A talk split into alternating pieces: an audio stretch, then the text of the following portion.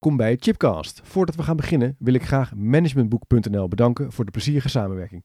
Managementboek.nl is al jaren dé plek waar ik mijn vakliteratuur bestel. En in het kader van Chipcast zijn we een hele leuke samenwerking gestart.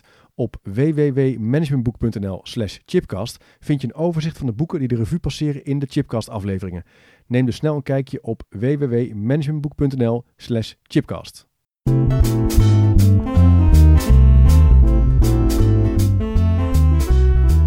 Welkom bij een spiksplinternieuwe aflevering van Chipcast, een programma waarin ik op zoek ga naar verrassende antwoorden en nieuwe perspectieven op vragen die mij bezighouden. En in deze podcast staat de vraag centraal, hoe zorgen we ervoor dat in Nederland iedereen mee kan doen? En het gesprek ga ik voeren met Jan Troost. Jan, Goedemorgen. goedemorgen, leuk dat je in de uitzending bent. Zeker. Ehm, we gaan het hebben over participatie, over inclusie, over meedoen. Vanuit het perspectief van eh, leef met een beperking. Eh, daar gaan we het uitgebreid over hebben. eh, want dat is niet altijd zo makkelijk om vanuit een beperking mee te doen in deze samenleving. Eh, voor degenen die jou nog niet kennen. ja, jij schreef bij in de mail, je bent een positieve en professionele bemoeial en pragmaticus. Ja, Vond ik een hele mooie introductie van, van wie jij bent. Zeg misschien meer over. Maar behalve dat ben jij ervaringsdeskundige, want je hebt zelf een beperking. Daar gaan we het denk ik ook nog wel over hebben. Maar je bent ook deskundige op het gebied van wetgelijke behandeling. Eh, eh, deskundige van het VN-bedrag en toegankelijkheidsdeskundige. Dus Ja. dat zijn de dingen die jij zo al doet. ongeveer. Ja. Eh, je doet heel veel leuke dingen. Je maakt ook, eh, je bent moderator, activist, belangenbehartiger. Je maakt eh, tv-programma's, oral history, hè, dat doe je Ja, ook. Hè, dus ja. met beelden en geluid en historie verzamelen. Nou, dus ik voel me helemaal thuis. Ja, precies. Ja. Ja. hartstikke is super interessant. Ehm, voordat we gaan beginnen met die vraag, hoe zorgen we ervoor dat iedereen in Nederland kan mee, mee kan doen? Jij hebt een handicap. Zou je dat zo noemen of zou jij zeggen het is een beperking? Nee, nee, ik heb- persoonlijk denk ik, ik heb gewoon een handicap. Ja. En, eh, die handicap heeft meer te maken met de samenleving als met mij. Maar ik maak gebruik van eh, een rolstoel. Ja, En ik heb eh, zelf osteogenese imperfecta. Dat is een botaandoening waardoor je heel snel iets breekt.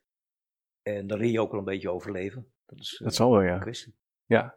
Wat betekent dat als je dat hebt? Wat, wat, wat, wat doet dat met je, met, je, met je fysieke gesteldheid?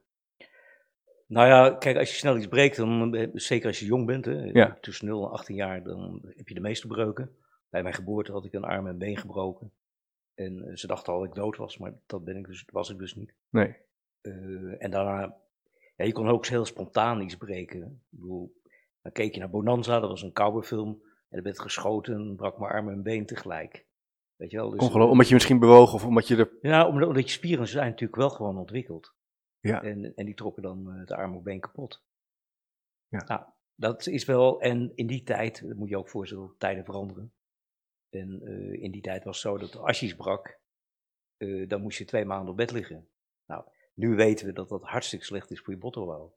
Dus dan brak je weer wat. Nou, en zo op die manier. Kan je een soort ketting, een soort visieuze cirkel soort, eh, terecht? visieuze cirkel. Ja, absoluut.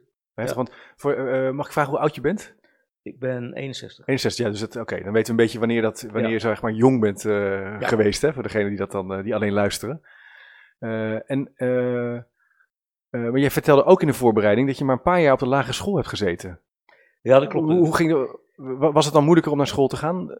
Ja, het was sowieso moeilijk om een school te vinden voor mijn ouders. Ja. Ik ben op een gegeven moment in een gereformeerde school terechtgekomen met een grote trap ervoor. Eh, als ik naar het toilet moest, moest mijn, mijn moeder me ophalen eh, om thuis naar het toilet te gaan.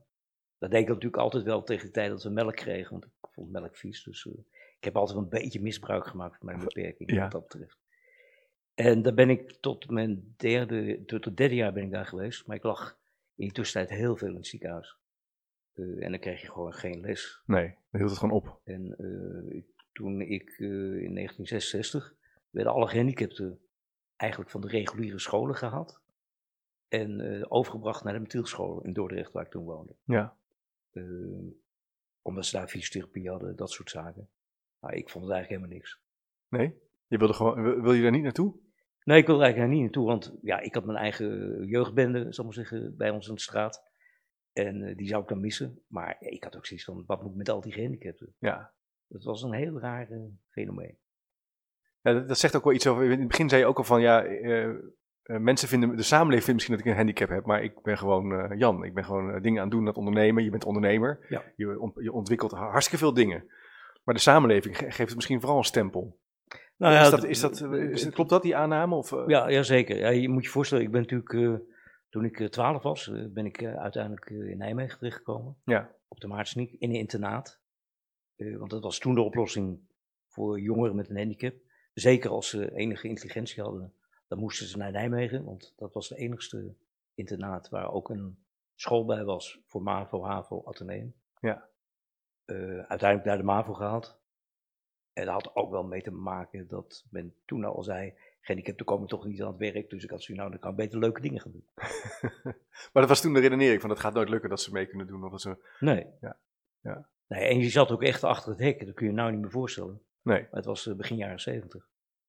En daar is ook wel mijn activisme, waar sommige mensen nog steeds van denken dat ik dat heb, eh, eigenlijk ontstaan. Ja.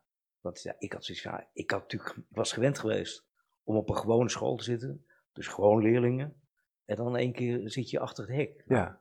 Dat was niet mijn ding. Dat wil je, en waar, waar kwam die, waar, want activisme dat associeer ik ook met boosheid of opstand of uh, ageren tegen iets. Waar wilde je dan tegen ageren in die tijd? Nou, Wat, waar kwam het je, je moet je voorstellen, dat was mijn allereerste actie eigenlijk. Ik was 14 en uh, de jongeren van, in Nijmegen, ja. uh, die op de Maartsik zaten, die hoorden dat er een cultureel centrum gebouwd werd, de Lindenberg in Nijmegen.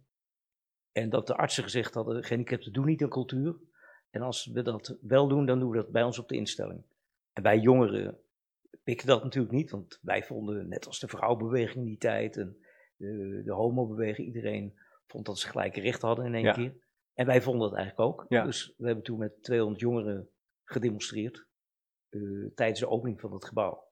En je moet je Zo. voorstellen, 200 jongeren met twee agenten met platte pet. Nou, daar hoef je nou niet meer mee aan te komen. Maar het werd ook gezien als, als gehandicapten nou ook al gaan protesteren. Waar blijven we dan? Hè? Want Ja, dat was in de tijd dat we nog geaaid werden. En allerlei geldacties voor de, die arme gehandicapten gehouden werden. ja, we hebben een beetje zielig gevonden. Dat waren absoluut zielig. Zielig, ja. zeker. Ja. Is dat veranderd in de afgelopen jaren? Zijn er, want je, hebt ook een soort, je doet ook wel een studie naar de gehandicaptenzorg. In zekere zin ben je een soort expert wel, hè? Je Ja, weet er veel vanaf. ik weet, weet er vrij veel van. Ja. Eh, eh, ik ben ook heel erg geïnteresseerd in historie. Ja, En ik vind ook dat eh, als je ja, eigenlijk eh, de historie niet kent, dan, dan ken je ook, weet je ook niet hoe de toekomst eruit gaat zien. nee. En dat vind ik ook wel betreurenswaardig. hoor. Je ziet dingen die toen voorkwamen, langzamerhand weer terugkomen. Ja, kan je een voorbeeld geven? Wat zie je weer terugkomen? Nou ja, pas geleden was er, eh, zag ik weer eh, dat er, dat er eh, doppen gespaard werden voor een busje. Weet je, kroonkurken. Ja, Nou, in onze tijd waren dat theezakjes. Nou, dat is om te zeggen in de jaren, eind jaren zeventig, kreeg je dat gewoon vergoed. En nu moet je er een actie voor optuigen. En nu moet je actie optuigen. Zoals we het En ook ik- af en toe doen voor Afrika, hè? zoals op school. Hè? Dat is een beetje hetzelfde. Van, Ja. een beetje het idee van, er zijn een paar zielige mensen en dan gaan we dan eh, vast wel vanuit een nobel streven, maar het zegt wel iets over hoe we kijken dan naar... Dat denk ik ook. Mensen en, met een en beperking. Ik, heb me altijd afgevraagd van waarom doen we dat wel voor mensen met handicap en niet voor die arme politici in Den, in Den Haag. Ik bedoel, die geven zomaar geld.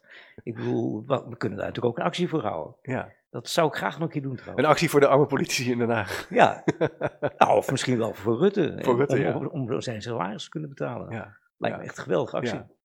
Ja, dat zegt ook wel iets van, jij wil niet, jij wil niet eh, zielig gevonden worden. Of je vindt het eh, ook vreemd als we zo kijken naar mensen met een beperking. Klopt dat? Of- Ja, weet je, dat heeft te maken met gelijkwaardigheid. Ik Ja. bedoel, eh, mensen met of zonder handicap, die zijn gelijk. Kijk, en als ik eh, niet gezegd had dat ik een handicap had, zou de, zou- zou de luisteraar dat niet geweten nee, hebben. klopt. Nee.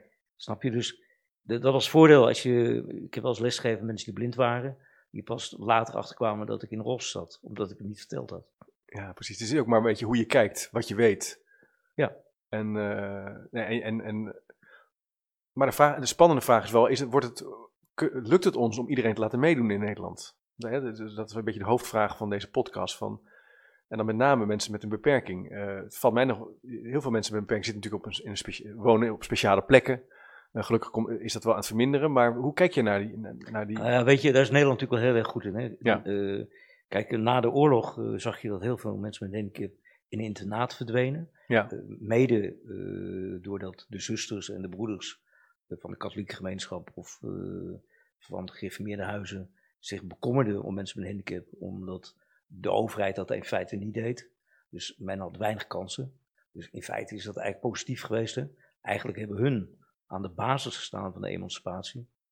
Ehm, en het mooie natuurlijk is, van als je mensen in de instelling bij elkaar zet, ga je ook verzet organiseren. Want zo werken dat soort dingen nou eenmaal. En mensen kwamen op een gegeven moment natuurlijk ook achter van mensen met een handicap welke rechten. Ja. En wat mij betreft in 1976 eh, kwamen de rechten van de gehandicapte mens door de Verenigde Naties 76. in 1976. Ja.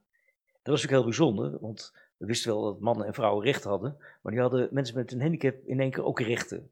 En dat heeft me altijd gefascineerd. En dat is voor mij ook wel een soort startpunt geweest eh, om dat te doen. En eerst wilde ik echt gewoon worden, gewoon eh, bij een werkgever gaan werken, bij de politie of eh, zoiets dergelijks. Maar dat bleek toch lastiger te zijn op dat moment eh, dan ik dacht. En toen dacht ik, nou, nou gaan we de wereld veranderen. En gaan we zorgen dat mensen echt gelijk kansen krijgen. Daar ga ik mijn eh, beroep van maken. Ja. Dus, en, en hoe doe je dat? Hoe zorg je ervoor dat mensen, wat is er voor nodig? Want je zei in het begin al van, het kost geld. Dat is natuurlijk, ja, dan kom je al gauw bij het punt van geld, maar misschien gaat het wel over veel meer dan alleen geld. Natuurlijk. Kijk, doordat we natuurlijk in Nederland besloten hebben om mensen met een handicap eh, in die instellingen te doen. Ja. En dat, daar waren goede redenen voor om, om dat te doen. Hè. Ik bedoel, ik ga niet zeggen dat het fout was. Nee, dat was op toen, dat een, moment, een- maar toen een besluit, een goed Eh, besluit. toen was het besluit Ja. en ik heb ook wel een goede tijd gehad. Ik bedoel, eh, ik heb daar heel veel geleerd wat dat betreft. Maar het probleem daarvan was wel dat eh, er echt geen stoep aangepast was. Dat woningen niet toegankelijk waren. Hm. Dat cultureel centra niet over nadachten dat Hm. mensen met handicap ook daar gebruik van konden maken. Dat carnavalsverenigingen, we hadden op het internaat er zelf eentje, Ja. Eh, wel bij ons op het internaat waren. Maar daarbuiten konden we er niet naartoe. Nee. Dus het, het is een echt groot veranderingsproces was er nodig om dat te doen. En dat is in feite in de jaren 70 begonnen bij mensen met lichamelijke handicap. Ja. Eigenlijk pas in de jaren 80 werd de mensen met een verstandelijke beperking daar bewust van. Eh, dat ze ook gelijke rechten hadden. Eh, dus wat dat betreft het, ja, is het eigenlijk een heel jonge geschiedenis. Dat is het, ja. Het is dus nog steeds wel een, een, een, een, ehm, een zoektocht om die gelijke rechten en die toegankelijkheid eh, te organiseren. We hebben wel stappen gezet, zeg je, maar we zijn er eigenlijk nog lang niet. Nee, je ziet het ook in de media. Ik bedoel, mensen, Ja. mensen met handicap, die komen wel in de media. eh, als, het- als het om, eh, weet ik veel, een, een nieuwe auto Ja. om binnen te halen. Maar dat mensen met een handicap in de media komen omdat ze professor zijn. Of dat ze iets heel veel weten van lieve heersbeestjes. Weinig, hè? eh, dat dat zie je bijna niet gebeuren. Nee, dat is inderdaad waar, ja. En dat heeft er echt mee te maken dat het onderwijs absoluut niet, eh, nou ja, niet, niet goed geheerd is. Kijk, Je zegt eigenlijk van, die, er is geen goed onderwijs voor mensen met een beperking. nee, omdat, eh, kijk, ik vind mensen met een handicap moeten leren dromen. En dat is de grootste fout die eh, vaak al gemaakt is bij het begin. Als jij niet kunt dromen dat je journalist wordt, dan word je nooit journalist. Nee. Als jij niet kunt dromen dat je editor wilt worden. En ik, ik heb echt situaties meegemaakt van jongeren die op een buitengewoon onderwijsschool zaten en editor wilden worden. En waarvan gezegd, nee, dat moet je niet doen. Je kunt wel telefonist worden. Ja. En denk van, Verschrikkelijk. je, je, je hebt het recht om te dromen en je hebt het recht om op je bek te gaan. Dat vind ik ook. Ja. Dat is natuurlijk, eh, iets, dat is natuurlijk het mooie aan mens zijn, dat je kan bedenken, ik wil iets worden, ik wil iets gaan doen. En je zegt eigenlijk, die kans hebben mensen met een beperking dus veel minder. En ze verleren dus ook om te dromen. Want op een gegeven moment weet, je ook niet meer, dan denk je ook, ja, dat kan ik helemaal niet. Want ik heb een dus- rolstoel dus, of dus, eh, dus, dus laat maar zitten. laat maar zitten. Eh, ja, En eh, dat heeft Hm. enerzijds ook wel mee te maken dat ouders in het algemeen overbeschermend zijn. hè. Eh, ik heb er zelf ook wel gehad, moet ik eerlijk zijn. Toen een dochter kreeg met een beperking, dat ik in één keer, eh, eh, waar ik vroeger altijd dacht van nou, dat moet je even doen eh, op die manier. Dat ik nu ook zoiets had van, ja, kan dat wel? Dus het zit ook iets, iets, iets tussen de oren Ja. bij mensen. ja, Maar wat natuurlijk wel triest is, dat je, als je mensen hun dromen ontneemt, eh, ja, dan wordt het ook niet beter. Kijk, en scholen waren er ook niet op, in- op gericht. nee. Kijk, maar van haven te nemen, dat kun je nog halen, maar het vervolgonderwijs, waar je het allemaal wel van moet hebben, hè, eh, dat kon niet. Ik, ik, ik, wilde maatschappelijk werk gaan doen, omdat ik erachter kwam dat ik het internaat niet eh, van binnenuit kon afbreken. Dus ik dacht, nou, word ik maatschappelijk Ja, werken, ga dan ik doe dat ik het vanuit professie. Ja, Ehm, maar wij zaten met de opleiding eh, drie hoog op een zolderverdieping. Ja. En dan moest je drie hoog de trap opgetild worden. En ik had gelukkig dat die opleiding me geaccepteerd heeft. Maar heel Ja. vaak zag je dat mensen met een handicap zelfs op de opleiding terechtkwamen. Dus het wordt ook gewoon heel moeilijk gemaakt. Ja, het wordt Heel eh, zeker niet ontoegankelijk, niet, gemaakt, makkelijk ja. gewoon. Je moet het echt wel graag willen. Ja. En je moet ongelooflijk eigenwijs zijn. Ik bedoel, maatschappelijk werker op het internaat waar ik zat, Ja, die had zoiets van, ja, dat moet je niet doen en dat kan je niet. En eh, nou ja, noem maar op. ja. Nou heb ik een rare vorm van eigenwijsheid. Eh, dus ik heb het uiteindelijk wel gedaan. Maar Maar wat moet er toch verschrikkelijk als iemand te- steeds tegen je zegt dat je het niet moet doen. Wat je graag wil. Dat lijkt me niet makkelijk. nee, dat is zeker niet makkelijk. Maar eh, daarom is het zo belangrijk dat je, dat je wel leert om voor jezelf op te komen. Ja, dat, dat durven dromen, dat sterk worden eh, en eh, jezelf ontwikkelen als individu is ontzettend belangrijk als je, sowieso als mens, Ja, je zou kunnen zeggen dat is voor ieder mens gewoon ontzettend belangrijk. Of je nou eh nee, alleen het grote krukken loopt of niet. Kijk, het grote verschil tussen jou en mij is dat ik soms gecompenseerd moet worden door, voor mijn beperking. Ja. En wat bedoel je daarmee? Dat je... Nou ja, kijk, om, om een voorbeeld te geven. Toen ik 18 was, dat was de goede tijden, de zaakjes. Ja. Toen kreeg ik van toenmalig GAK, kreeg ik eh, AAW, Ja. de Algemene Arbeidsongeschiktheidswet. En die kreeg je omdat je anders geen enkele eh, uitkering zou krijgen, want je had nooit gewerkt. Nee. Maar tegelijkertijd werd me een aangepaste Volvo 66 aangeboden, zodat ik me kon vervoeren. Eh, mijn rolstoel werd vergoed. Het was voor die tijd allemaal vanuit de bijstand en vanuit de, de kerken en noem maar op. Daar werd het eh, geld voor een rolstoel bij elkaar gescharreld. Dus 1976 was echt een geweldig. Toen werd er voor je, toen de staat of de sa- samenleving betaalde de, eh, een gedeelte van de belasting ging daar naartoe, Ja. zodat jij eh, je goed kon vervoeren. Want Ja. dat is natuurlijk ook heel belangrijk dat je ergens naartoe kan. Hè? Nee, snap je? Bedoel, Als dat niet kan, Nee. wordt het een heel moeilijk verhaal. Anders was ik nooit op die opleiding gekomen. Ja. Mede dankzij die Door die Volvo. Dus 66. die Volvo heeft toch reclame maken. We mogen het toch doen. Ja, nou, die hij bestaat auto, ook niet hij meer. staat niet hè. meer. Hij bestaat niet meer. Dus. Die is ontzettend belangrijk. Kan, kan je ons eh, even meenemen? Ik weet niet zo heel veel van nu. Hoe, eh, qua, ja, ik weet wel iets ervan, maar hoe is het nu dan? Is het nu veel minder, moeilijker? Ja, het is een drama. Is het een drama? Ik, ik vind het drama. Eh, v- in vergelijkbaar met toen. Hè. Kijk, eh, als je heel veel geluk hebt en je hebt een goed betaalde baan, dan kun je dus bijvoorbeeld de autoaanpassing nog wel eh, Ja, goed krijgen. ja. Eh, maar voor de rest ben je bijna verplicht of in, of in een belbus of met OV te reizen. Gemeentes betalen bijna woning, autoaanpassingen niet meer. Waarom niet? Omdat eh, ze eigenlijk het, het OV een, eh, een- Dat is dan makkelijker, speerpunt. Een, een, soort voorliggende voorziening vinden. Ja, ja, ja. Maar ga maar eens met. eh, Ik, ja, ik, we hebben hier, ik heb je hier aanzien komen met een, met een aangepaste bus. Je bent heel zelfstandig. Die, er gaat een klep achterop automatisch eruit. Ja. Je rolt naar beneden met je, met je rolstoel en, en je komt binnen. Maar ik zie dat nou niet direct gebeuren met een, met een bus of zo. Nee, Het kan je- wel, weet- alles kan, hè? Maar, weet- weet je, alles kan. Kijk, en je, kijk, in mijn werk moet ik op tijd zijn. Hè? Ik bedoel, als ik moderator ergens ben, Ja, dan moet je wel zorgen dat je op tijd dat is wel bent. fijn, ja. Ehm, nou, ik zou niet aan moeten denken om, eh zal ik zeggen, met een taxi, busje... Het is heel kwetsbaar, ja. eh, maar iets te gebeuren. Ehm, dus ja, Dus we zijn vandaag de dag minder bereid daar ja, eigenlijk gewoon voor te, voor te betalen. Moeite voor te doen. Eigenlijk wel, en dat heeft natuurlijk ook mee te maken dat, kijk, vroeger was het zo dat die AAW, die, dat, dat, dat, eh, dat speelde tot 65 en daarna was je weer afhankelijk van de bijstand. Ja, En dat was natuurlijk leeftijdsdiscriminatie, Eh, dus dat Ja. kon ook niet. En toen werd op een gegeven moment gepraat over gehandicapten en ouderen. Dat vind ik nog steeds de grootste fout die er gemaakt is eh, in de tijd. Want kijk, of jij nou reuma krijgt op je achttiende of op, op, Ja. of op je 75ste, je hebt gewoon een beperking, een handicap, punt. Ja. Alleen ouderen hebben, dan, hebben het dan liever over, ja, dat heeft te maken met ouderdom. Dan denk ik van ja, de beperking is precies hetzelfde. ja. Maar dat heeft toch een beetje te maken met nou de gevoelens die we hebben naar mensen met handicap. Van, de, de- ja, die zijn toch anders en zielig. En eh, ja. ergens speelt dat nog steeds mee.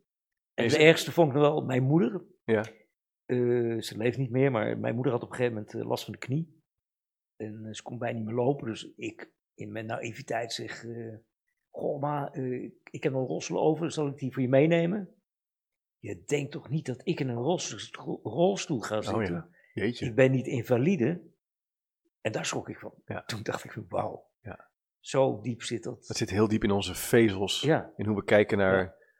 Ja, en, maar- en je moeder zelfs, die dat dus al, al had. Ja, Een dus- confronterend eh, dat dat, dat, moment, dat ik. vond ik een confronterend moment. Want nou ja, mijn moeder heeft altijd goed voor me gezorgd. Dus daar heb ik geen enkel twijfel over. Maar dat dat ook bij haar er tussen zat. Nou, Ja. dat vond ik nog wel... eh, Maar het is ook wel een beetje een gekke paradox als samenleving. Dat we dus aan de ene kant vinden we, vinden we mensen met een handicap zielig.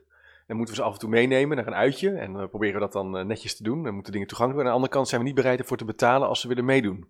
En als ze ergens eh, een baan willen vinden of een opleiding willen doen. Of Ja. als ze een droom hebben om iets te worden wat misschien een beetje ingewikkeld is. Zoals editor, hè? Het Film, filmpjes maken en knippen. ja, Dat is toch heel... Dan heb je net niks. Nee, en, Nee. en dat is natuurlijk heel raar. En ik denk ook dat, eh, dat, dat zie je ook bij, bij de bouw, hè. De bouw van, van panden bijvoorbeeld. Ja. Nog steeds wordt daar te weinig rekening mee gehouden. Ja. Ik, ik was toevallig eh, in een Je bedoelt, dorpshuis. het bouwen van nieuwe panden wordt nog geen rekening gehouden met... Ja, met- eh, ja, precies, ja. eh, ik bedoel, eh, er was een dorpshuis eh, pas geleden waar ik eh, moest controleren. Ja, want jij controleert dorpshuizen, hè? Even, Nou ja, eh, op- op- onder dit- andere. onder Onder andere op toegankelijkheid. ja. Dat doe ik voor uh, Omroep Gelderland, het dorpshuis van het jaar. En dan mag ik uh, dorpshuizen bekijken met toegankelijkheid. Kijk, oude gebouwen zoals dit, dan ben ik Ja. ook net niet naïef. Nee. Eh, je zou er dan een leuk plankje voor kunnen leggen. Ja. En dan is ja. dit gebouw nog beter toegankelijk. Maar dat was een nieuw gebouw. Gebouwd in 2018, was, kwam het klaar. En de bovendiep was niet toegankelijk. En dan ben dat is raar. verbaasd. ja, dat is toch niet nodig? Weet je wel, maar goed, daar is ook geen wetgeving voor. En dat heb je in Amerika wel. Ja. In Amerika moet gewoon alles toegankelijk zijn, want ik ben even gelijk eh, voor de wet Ja. Als, eh, als ieder Maar ander. dat hebben wij toch ook, eh, wetgeving. En we hebben toch ook als Nederland zijn we toch best wel gecultiveerd qua, qua dat. Maar dat doen we dus niet. Nee, nee Ne- Ne- Nederland staat nog maar aan het begin Ja? van dat proces. We hebben nou een eh, VN-verdrag Ja. geratificeerd. Ja. Daar heeft Nederland tien jaar over gedaan, voordat ze überhaupt een handtekening hadden gezet. En dan nog durven ze het om het woord geleidelijk in te zetten, zonder daar een tijdslimiet. Ja. neer te zetten. Geleidelijk. Nou, ja. ge- geleidelijk is gewoon dodelijk. ja. Dat betekent eigenlijk hoeven we nog niks te doen. We gaan het geleidelijk, heel Ja. stapsgewijs. Ja, Als het pand is afgeschreven over 25 jaar. ja dan gaan we Eh. Zodat. Terwijl je, je wil gewoon. Ik, vind het ook wel vreemd. Ja, het is natuurlijk makkelijk om je hier druk over te maken. Maar je denkt, zou toch denken: Nederland is een heel eh, ontwikkeld, rijk land. Een van de beste landen ter wereld om te wonen. Dan denk ik, nou, dit hebben we toch wel op orde. Maar als je het zo even, wat je even zo schetst, die aantal voorbeelden, hoe moeilijk het is om, eh, om van A naar B te komen of een opleiding te, te, te, te volgen. Het is wel beter geworden, maar nog steeds missen we dus ook heel veel.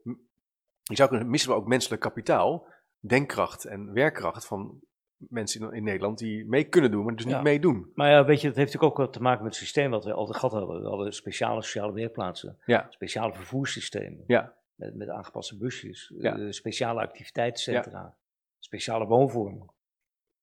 En dan kun je als kabinet wel roepen, wat ze in 2011 deden, we gaan nu meedoen en de participatiesamenleving. Maar ja, dat is natuurlijk flauwekul. Ja, Ja. Ik bedoel, dat klinkt, dat kun je roepen, maar als je niet de voorwaarden schept, Nee. dat gaat niet werken. Als Nee. jij niet zorgt dat de treinen toegankelijk zijn, als jij niet zorgt dat gebouwen toegankelijk zijn, onderwijssystemen erop ingericht zijn, Ja. dan heb je wel een probleem. Ja, ik moet toevallig denken aan een radioprogramma wat ik laatst luisterde eh, over speelplaatsen. Hoe weinig speelplekken voor kinderen toegankelijk zijn voor een rolstoel of voor een beperking. Dat, daar was ook eh, iemand die daar nu heel, eh voor mij is dat een, een soort minister van... Minister van Gehandicaptenzaken, Min- Brink. Ja, vond ik een hele leuke, leuke man die daar eh, heel duidelijk over was. Dat moet gewoon gebeuren.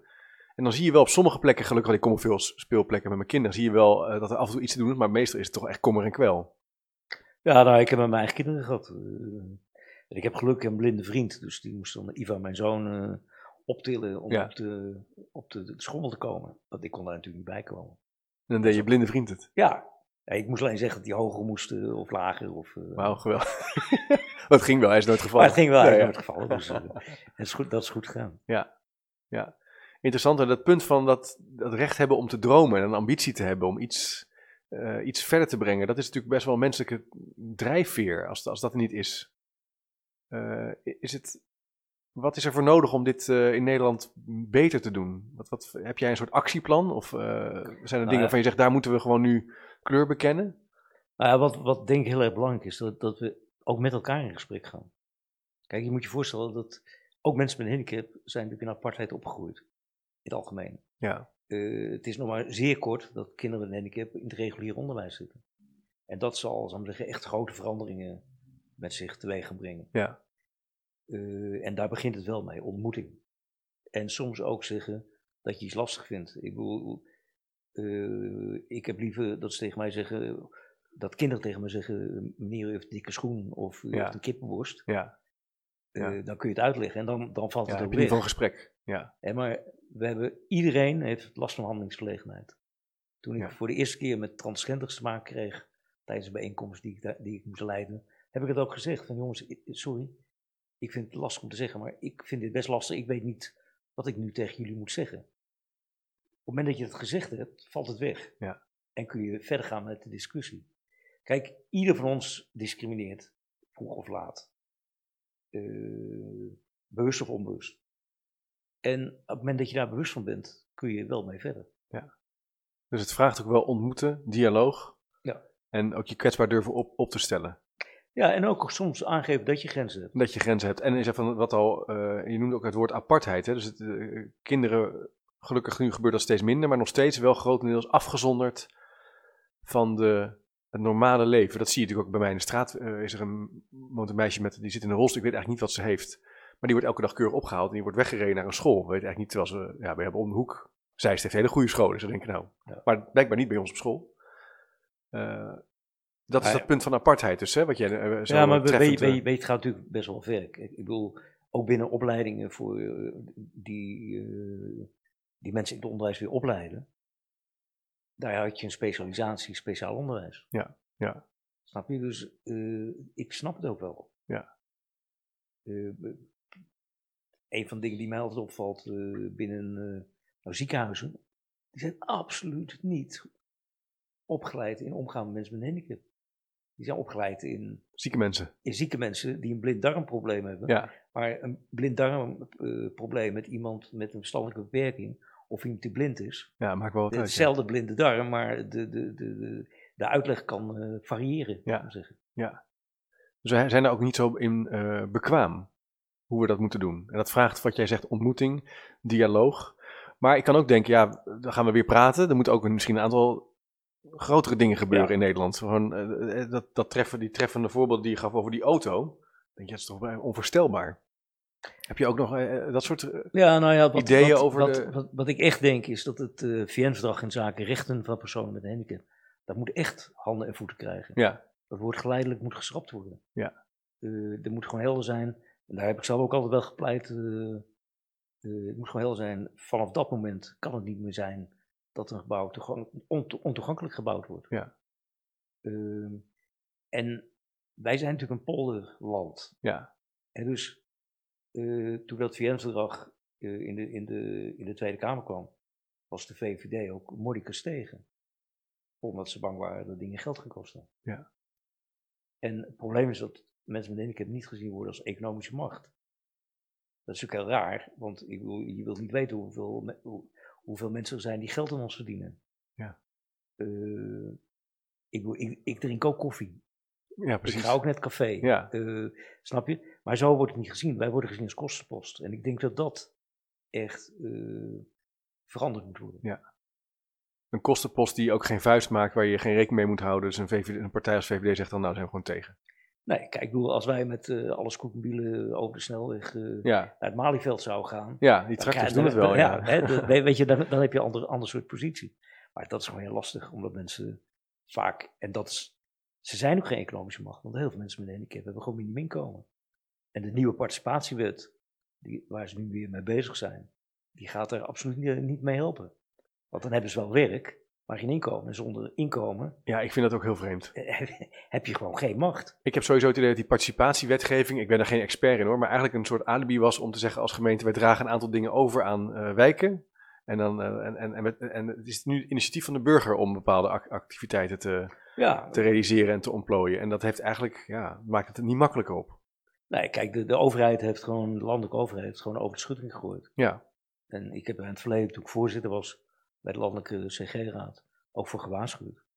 Maar goed, het is wel allemaal uitgekomen wat, wat we toen gezegd hebben. ja. Zoals, wat zei je toen? Nou ja, dat, dat, dat het enorme gevolg gaat hebben voor Ja. eh, onder andere voor mensen die mantelzorg eh, verlenen. Ja. Mantelzorg is ook Ja. zo'n Ja. term die bedacht is door de overheid. Eh, ja, mantelzorg, nou ja, ik zat zo op de en eh Sint Maarten, die werkt ook al met een mantel. Dus eh, wat dat betreft hebben ze kunnen afkijken. Ja, Maar dat vind ik wel eh, zorgelijk. ja, Kijk, en wil je echt dat daadwerkelijk mensen mee kunnen doen, dan moeten ze ook daadwerkelijk mee kunnen doen. Ja, en punten waar we, het, eh, waar we ook op uitkomen. Als je mee moet, heb je toegang nodig tot onderwijs, tot, tot een netwerk, tot, tot ervaringen, tot dromen, tot ontplooiing. Dan word je sterker als professional ook, hè, als mens. Ja. Dat versterkt ook je economische waarde. Dan kan je gewoon eh, participeren. En dan krijg je ook meer positie. Maar naarmate dat in, die, in dat visieuze cirkeltje blijft, kan je ook moeilijk een vuist maken. En moet je het dus hebben van ja, partijen die daar misschien vanuit eh, hun, hun eigen ambitie of ideeën een, een vuist voor maken. Maar je wil eigenlijk dat die mensen zelf natuurlijk eh, in beweging Ja, komen. we- weet je, maar het is ook belangrijk dat... Kijk, mensen met een handicap die, omdat ze niet in het reguliere proces terechtkwamen, zijn ze vaak in de belangenbehartiging terechtgekomen. Ja, Ik ook. ja. Hey, Ja. Als er een voorbeeld van belangenbehartiging is, die is blijven hangen, ben ik het. Ja, ja, precies. Ehm, dus op zich niet zo'n goed voorbeeld. Ik geloof in infiltratie. En dat hebben we natuurlijk eh, vanuit de verstandelijke gehandicaptensector hebben we dat veel beter gedaan. Maar hoe kwam dat? Omdat ouders, die zaten in politieke circuit, die zaten, waren werkgever, die waren werknemer. Eh, dus die, eigenlijk die emancipatie van het meedoen van mensen met verstandelijke beperking is door die ouders vaak wel neergezet.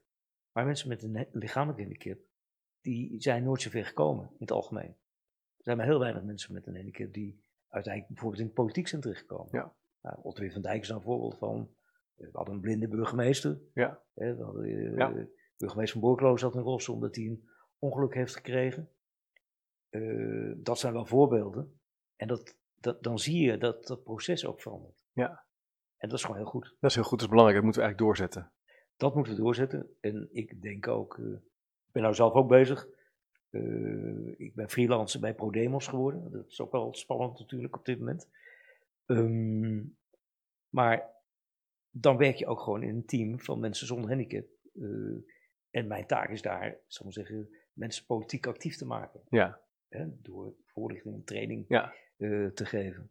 Nou, het is voor mij ook wel weer spannend. Hoe kom je ook, toch ook weer in de echte wereld terecht? Ja, maar daar wil je ook zijn. Dat is, daar nee, maar dat is wel maar dat is de plek waar natuurlijk het gebeurt. En, Ja, eh, dat gebeurt het. en je- dus da- daar kan je ook participeren. En eh, ja, er is natuurlijk ook niks mis met je, met je denkkracht en je, je professionaliteit. Nee, Het, eh, je, je hebt toevallig voor eh, ons filosofieboek eh, die prachtige filmpjes gemaakt op, eh op Ja. denkenorganisaties.nl. Dus daar kan je ook zien dat je, het is niet zo dat je zomaar even mee mag doen voor de gein of zo. Het heeft, je maakt hartstikke mooie dingen. Ja.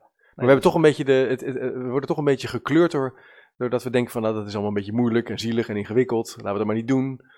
Ja, en je moet je niet vergeten, het heeft ook met angst te maken. Hè? Ja, Eh, kijk, mensen zijn maar voor twee dingen echt bang. Dat is doodgaan en eh, een handicap of ziekte krijgen. ja, Dus we gaan het uit de weg. het is tijd om daar anders naar te gaan kijken. Dat denk ik wel. Ja. Ja. Kijk, we proberen nu ook, hè, je ziet nu eh hè, NIP-test. We gaan allemaal Ja. denken dat we mensen met handicap kunnen voorkomen. Nou, dat is gewoon flauwkul dus. Mensen met handicap gaan we niet voorkomen. En Net een NIP-test, voor degene die dat niet weet, dat is een test eh, voor Ja. mij op 12 weken dat je kan kijken naar een, eh, als je zwanger bent, door een kleine prik in het bloed van de, van de moeder, of er een risico is op down. Ja. En maar ook op open rug. Maar dat Ja, wordt eh, steeds meer. steeds meer wordt daarnaar gekeken. ja. En, en dat, het vermoeden is ook dat het Down-syndroom daarmee zal gaan verdwijnen. Ja, maar goed, op het moment dat Down syndroom verdwijnt, ontstaat weer een nieuw ziektebeeld die dan weer... eh, Ja. Dat is oneindig. hè, dus als we dadelijk ontdekken dat eh, de mensen die eh, erfelijk is, nou waarom zouden we dan nog ki- die kinderen laten... Dat ga je Geboren krijgen. worden. Het is natuurlijk, ehm, je hebt toch dat ene boek erover, dat, over een toekomstbeeld waarin dus inderdaad kinderen al helemaal worden geselecteerd van de ene keer, een beetje dat idee van Plato, de slimme kinderen worden de, gaan de politiek in en je wordt geselecteerd op kracht en dan word je een soldaat en eh, het is natuurlijk oneindig. Straks kan je zeggen, nou, eh, ik wil niet dat mijn kinderen kaal worden, laat ik dat dan ook maar... eh, het gaat Ja. om, eigenlijk gaat het over niet kunnen omgaan met een vorm van perfectie.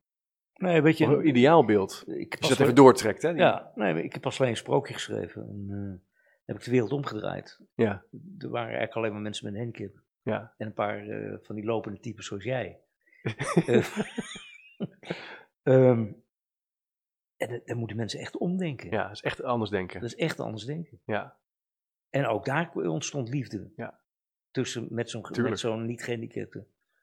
tuurlijk. Maar de vraag ook, als we, dit, als we die beweging willen versterken waar jij je zo hard voor maakt, hè, die participatie, vraagt ook dat we kunnen toestaan dat het allemaal niet... Hè, dat economisch denken dwingt ons natuurlijk ook om alles heel snel te doen. En dat we geen tijd hebben. Een, moderator, hè, stel je voor, je wil dat moet snel zijn, die moet je makkelijk kunnen inhuren, liefst eh, niet te duur zijn. Eh, terwijl eh, het ook een beetje moeite vraagt in de schoonheid, dat je dat toestaat, dat, dat het er meer kan dan alleen het geëikte pad bewandelen. Dat je ook verschillende mensen kan uitnodigen. En dan wordt het ook anders en mooier. Maar als je onder de streep gaat kijken, ja, dan komt het nooit uit. Weet, weet je, als ik moderator ben, eh, het maakt me echt geen moer uit of ik de minister naast me heb zitten. Of, Nee. Nou, dat doet een goede moderator, die heeft, die heeft er wel gevoel voor, maar die stelt wel de goede vragen. ja, maar die moet wel gaan zitten. ja. Ik bedoel, iedereen op mijn niveau. Dus Ja, dat is wel fijn, ja. ja. Ja, En dat moet je wel aan wennen hoor. Eh, maar goed, het werkt. ja. Zo kom je allemaal van dat soort dingen tegen. Ja. Spannend, Jan. Ehm, interessant om dat thema van participatie eh, zo met je te verkennen. Eh, je hebt ook twee boeken op tafel liggen. Ehm, laten we even, even eentje pakken. Dat is, de ene is Trots en Treurnis, gehandicapt in Nederland. Geschreven door Agnes van Wijnen, Jolan Koster-Drezen en Arco Oderwald.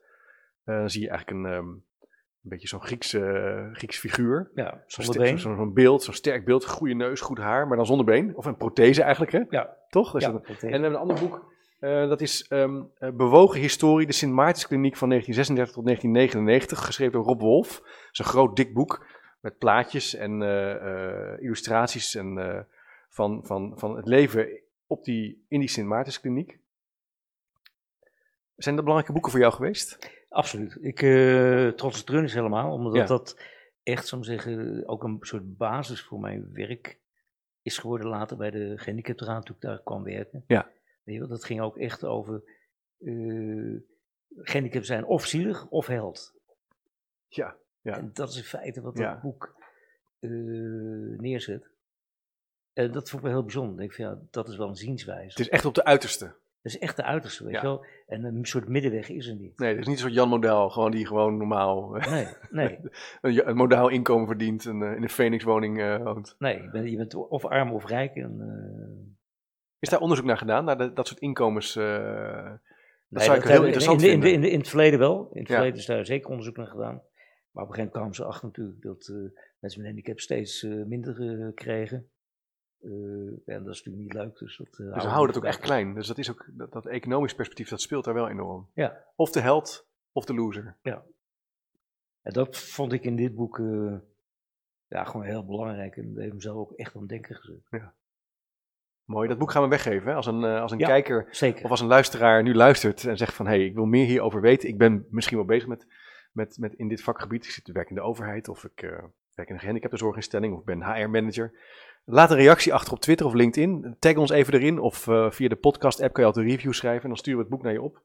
En met een, uh, een handtekening van Jan erin. Dus dat was het eerste boek. Dit boek geven we niet weg, bewogen historie, maar dat is wel de Sint Maartenskliniek waar je net al wat over, ja. over zei. Wat, is, wat is daarin voor jou? Nou, het, het mooiste vond ik dat ik. Uh, ik, ik het, het, heeft bij mij geleid om met participatie te beginnen. Ja. Om de verhalen vast te leggen van de mensen die daar gewoond hadden. En mede door dat boek, omdat wij ons er absoluut niet in herkenden. nee? Oh god, jeetje. Sorry, pardon. nee, um, nee het, het, boek is echt geschreven vanuit de instelling. Ja. En vanuit die verhalen. En ik had zoiets van, ja, wat is dit? Wat is dit? Echt? Ik bedoel, het werd helemaal niet verteld dat er bij ons uh, drugs verkocht werd in de soos. dat er een beetje werd gebloot of zo, wat dan ja, ook. Of nee, een nee, drankje werd gedronken. Ja, ja, ja. ja. Um, dus ook weer dat een beetje het niet mens, dus een beetje het, het, het, het, raar maken van de mensen die daar wonen. Van, uh, die ja. doen dat allemaal niet. Ja, en ik had ik wil die verhalen van die mensen. Tuurlijk, dat is interessant. Voor de toekomst. En, van, en weet je wat die apartheid betekend heeft voor hun latere participatie? Ja. Ik moet denken, ik heb ooit voor mijn promotieonderzoek een uh, case studie gedaan in een, uh, in een zorginstelling uh, rondom dwang- en drangverpleging. Dat was een semi-open instelling. En dan ging het over seksualiteitsbeleid. En was dan de vraag waar een groep verpleegkundigen voor stond van kunnen we beleid maken over hoe je omgaat met seksualiteit als je in een inrichting zit. Best wel een, wezenlijk taai vraagstuk. En dat vraagstuk volgde ik een periode van anderhalf jaar om te kijken of, of het ze lukte om, om dat op te lossen. Maar, uh, en dan heb ik bij allerlei overleggen gezeten. En het bleek gewoon dat daar natuurlijk iedereen uh, ja, had seks. Ging, uh, huurde soms iemand in of met ook ontstonden relaties. En het was een soort totale nieuwe werkelijkheid voor veel beleidsmakers. Voor de meeste verpleegkundigen daar niet, die hadden wel zo'n idee. Maar ik vond het heel opmerkelijk dat het als het ware was van, oh, doen ze dat daar ook, weet je wel? Ja, weet je, dat was bij ons natuurlijk nog erger. Ja. Want, er komen nee, de verhalen, ja. Maar, maar vertel even, ja. Nee, kijk, in 1976 waren mensen met een handicap, uh, hadden geen seks. Sowieso niet. Daar werd ook niet over gepraat. Je kreeg ook geen voorlichting. Uh, totdat er een onderzoek werd gedaan uh, door Duchenne op seksuele, seksualiteit en jongeren met een handicap. En dat was echt een eye-opener. Ja. Dat was natuurlijk flauwkul, hè, want ik bedoel, wij, wij wisten echt wel eh, wat een jongen en meisje was. En de, dat Ja, ze ontstonden in zo'n internaat natuurlijk ook wel relaties. Ja. Maar niemand eh, praatte daarover. En ouders, ja, die, het, het feit dat ik ooit getrouwd ben, eh vonden mijn ouders ook zoiets van, dat hadden we nooit verwacht. Dus ook, ook toch je ouders hebben... oh, Ja, eh, maar ik bedoel, die hadden het daar ook nooit over, want ze gingen er toch vanuit dat je niet ging trouwen. En al helemaal geen kinderen zou krijgen. Dat Ja, je hebt kinderen. totaal Ja, niet in beeld. ja. Nee, dus dat is... Ja, precies. Snap je dus? eh, en seksualiteit is nog steeds enorm taboe. En dat ja, is alleen maar ja, toegenomen. Ja, ja, is alleen maar toegenomen, ja. In, de, in de jaren zeventig werd daar nog vrij open over gesproken. Ja. Eh, nu denk ik af en toe, jongens, waar zijn we mee bezig? Ja. Denk ik echt. Heel opmerkelijk dat we dus nie- dat soort gesprekken eigenlijk niet meer voeren. Niet kunnen, maar ook eens heel gek denken over mensen met een beperking. En je zegt van, als we dus anders... We moeten dus anders gaan denken daarover. En eh, ruimte maken om mensen dezelfde kansen te geven. Te laten dromen, te laten ontwikkelen. Maar dat geldt ook voor mensen met een handicap zelf. Ja, die zijn die... Ja, want... eh, Ja, bedoel, die, die doen het ook, bedoel je? Die hebben ook... Ja, Kijk, kijk, ja. me- kijk, mensen met een handicap hebben zich ook vaak aangepast. Ja. En Ja. en je, natuurlijk heb je mensen die ontzettend geëmancipeerd zijn. En, maar er zijn natuurlijk ook heel veel mensen die afwachten. Ja, je hebt een middenmoot, hè? Als je het even die helden en, die, en, Ja, die, en, en eh, de nee, loser, maar- daartussen zitten natuurlijk heel maar, veel maar mensen het is nog. natuurlijk ook logisch. Als jij afhankelijk van zorg bent, en dat zie je steeds meer. eh, we hebben het over eigen regie en er zijn echt voorvechters van. Hè, om die eigen regie te behouden. Ja.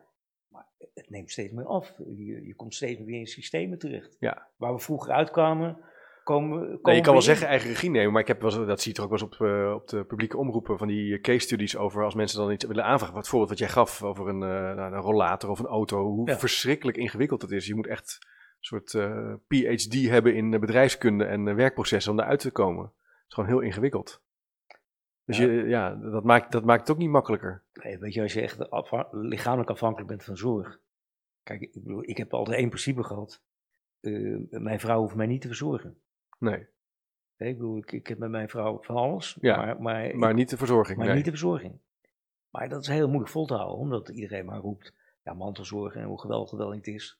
Maar op het moment dat je lichamelijk afhankelijk wordt van je partner, dat, dat gaat niet goed komen natuurlijk. En als, Nee, lijkt me ook heel, ja, bedoel, ik snap heus wel dat je partner dingen voor je kan doen, maar je wil eigenlijk ook gewoon je partner houden en niet compleet. Je komt in een totaal, totaal andere relatie terecht als je ook voor je ouders moet gaan zorgen. ja, Als je voor, de, eh, voor je zus of voor je broer. eh, en, dat, dat is, en weet, weet je, tijdelijk kan alles. Hè? Ja, Ik bedoel, als ja. jij tijdelijk, eh, weet Ja. ik veel, een, een week voor, voor, je, voor je vrouw moet Ja. of voor je man moet een been gebroken of zo. en eh, been ja, gebroken. dan ga je dat doen. Eh, Ja, dan- Maar dat- maanden of jaren. maanden of jaren, dat gaat niet werken. Dat gaat niet Ja, je raakt elkaar ook gewoon zat, toch? Lijkt mij. Op een gegeven moment denk je ook van. ja, ik bedoel, als je, als je enorm. Ik bedoel, iedereen heeft wel eens ruzie met, met zijn partner of zijn vriend of zijn vriendin. Ja, dan wil je wel, z- zal ik zeggen, daar, daar dat, dat kunnen doen. Maar die druk op die man, dus die mantelzorg is een ongemerkt een, een, ontsnapping geworden in onze samenleving. Want het gaat heel vaak over mantelzorg. Hè? Ja. En over de risico's. En, eh, En als ja. mensen daar bewust voor kiezen, hè, dus dat ze het Ja, zelf willen, tuurlijk. dat kan ook. Ja. Hè? Ik bedoel, Ja. want het is niet prettig om 15 mensen over de vloer te hebben die Nee. jou moeten helpen. Nee, snap ik. Maar Nee. de overheid kan en mag dat ook niet eh, beslissen voor jou, maar het zal relatie ook in de weg gaan staan. Ik bedoel, Ja. eh, stel dat mijn vrouw zou weten dat ze me de hele dag moet helpen, Ja. nou, dat is maar de vraag of ze nu nog met me getrouwd zou zijn. Je weet Nee, maar ik kan me heel, dat lijkt me, Ja. kan me heel goed. En wat, er- wat er ook nog meespeelt, als jij opgevoed wordt, grootgebracht worden met dat je familie dingen voor je doet, dan weet je ook niet beter meer. Dus die emancipatiekant, het zelfstandig durven denken en doen, je, je te gaan dromen, dat wordt dan mee ook een beetje Ja. klein gemaakt. Maar weet je, sommige dingen kun je ook oplossen. Eh, toen ik nog bij de gehandicaptenraad werkte, was ongeveer 50% van onze medewerkers had een beperking. Wat deden we? We deden PGB's van mensen, deden bij elkaar liggen en we hadden gewoon één medewerker in dienst die mensen naar het toilet kon helpen of kon helpen met typen Ja. of... eh, Gewoon slim maar op. combineren. Weet je, dat je slimme combinaties kan maken. Ja. Nou, dat, dat zijn wel mogelijkheden. Ja, Als jij een rustruimte hebt op, op de werkvloer, dan kunnen ook mensen die chronische aandoening eh, bij jou werken. En dan kunnen ze voor even één of twee uurtjes gaan liggen. Ja.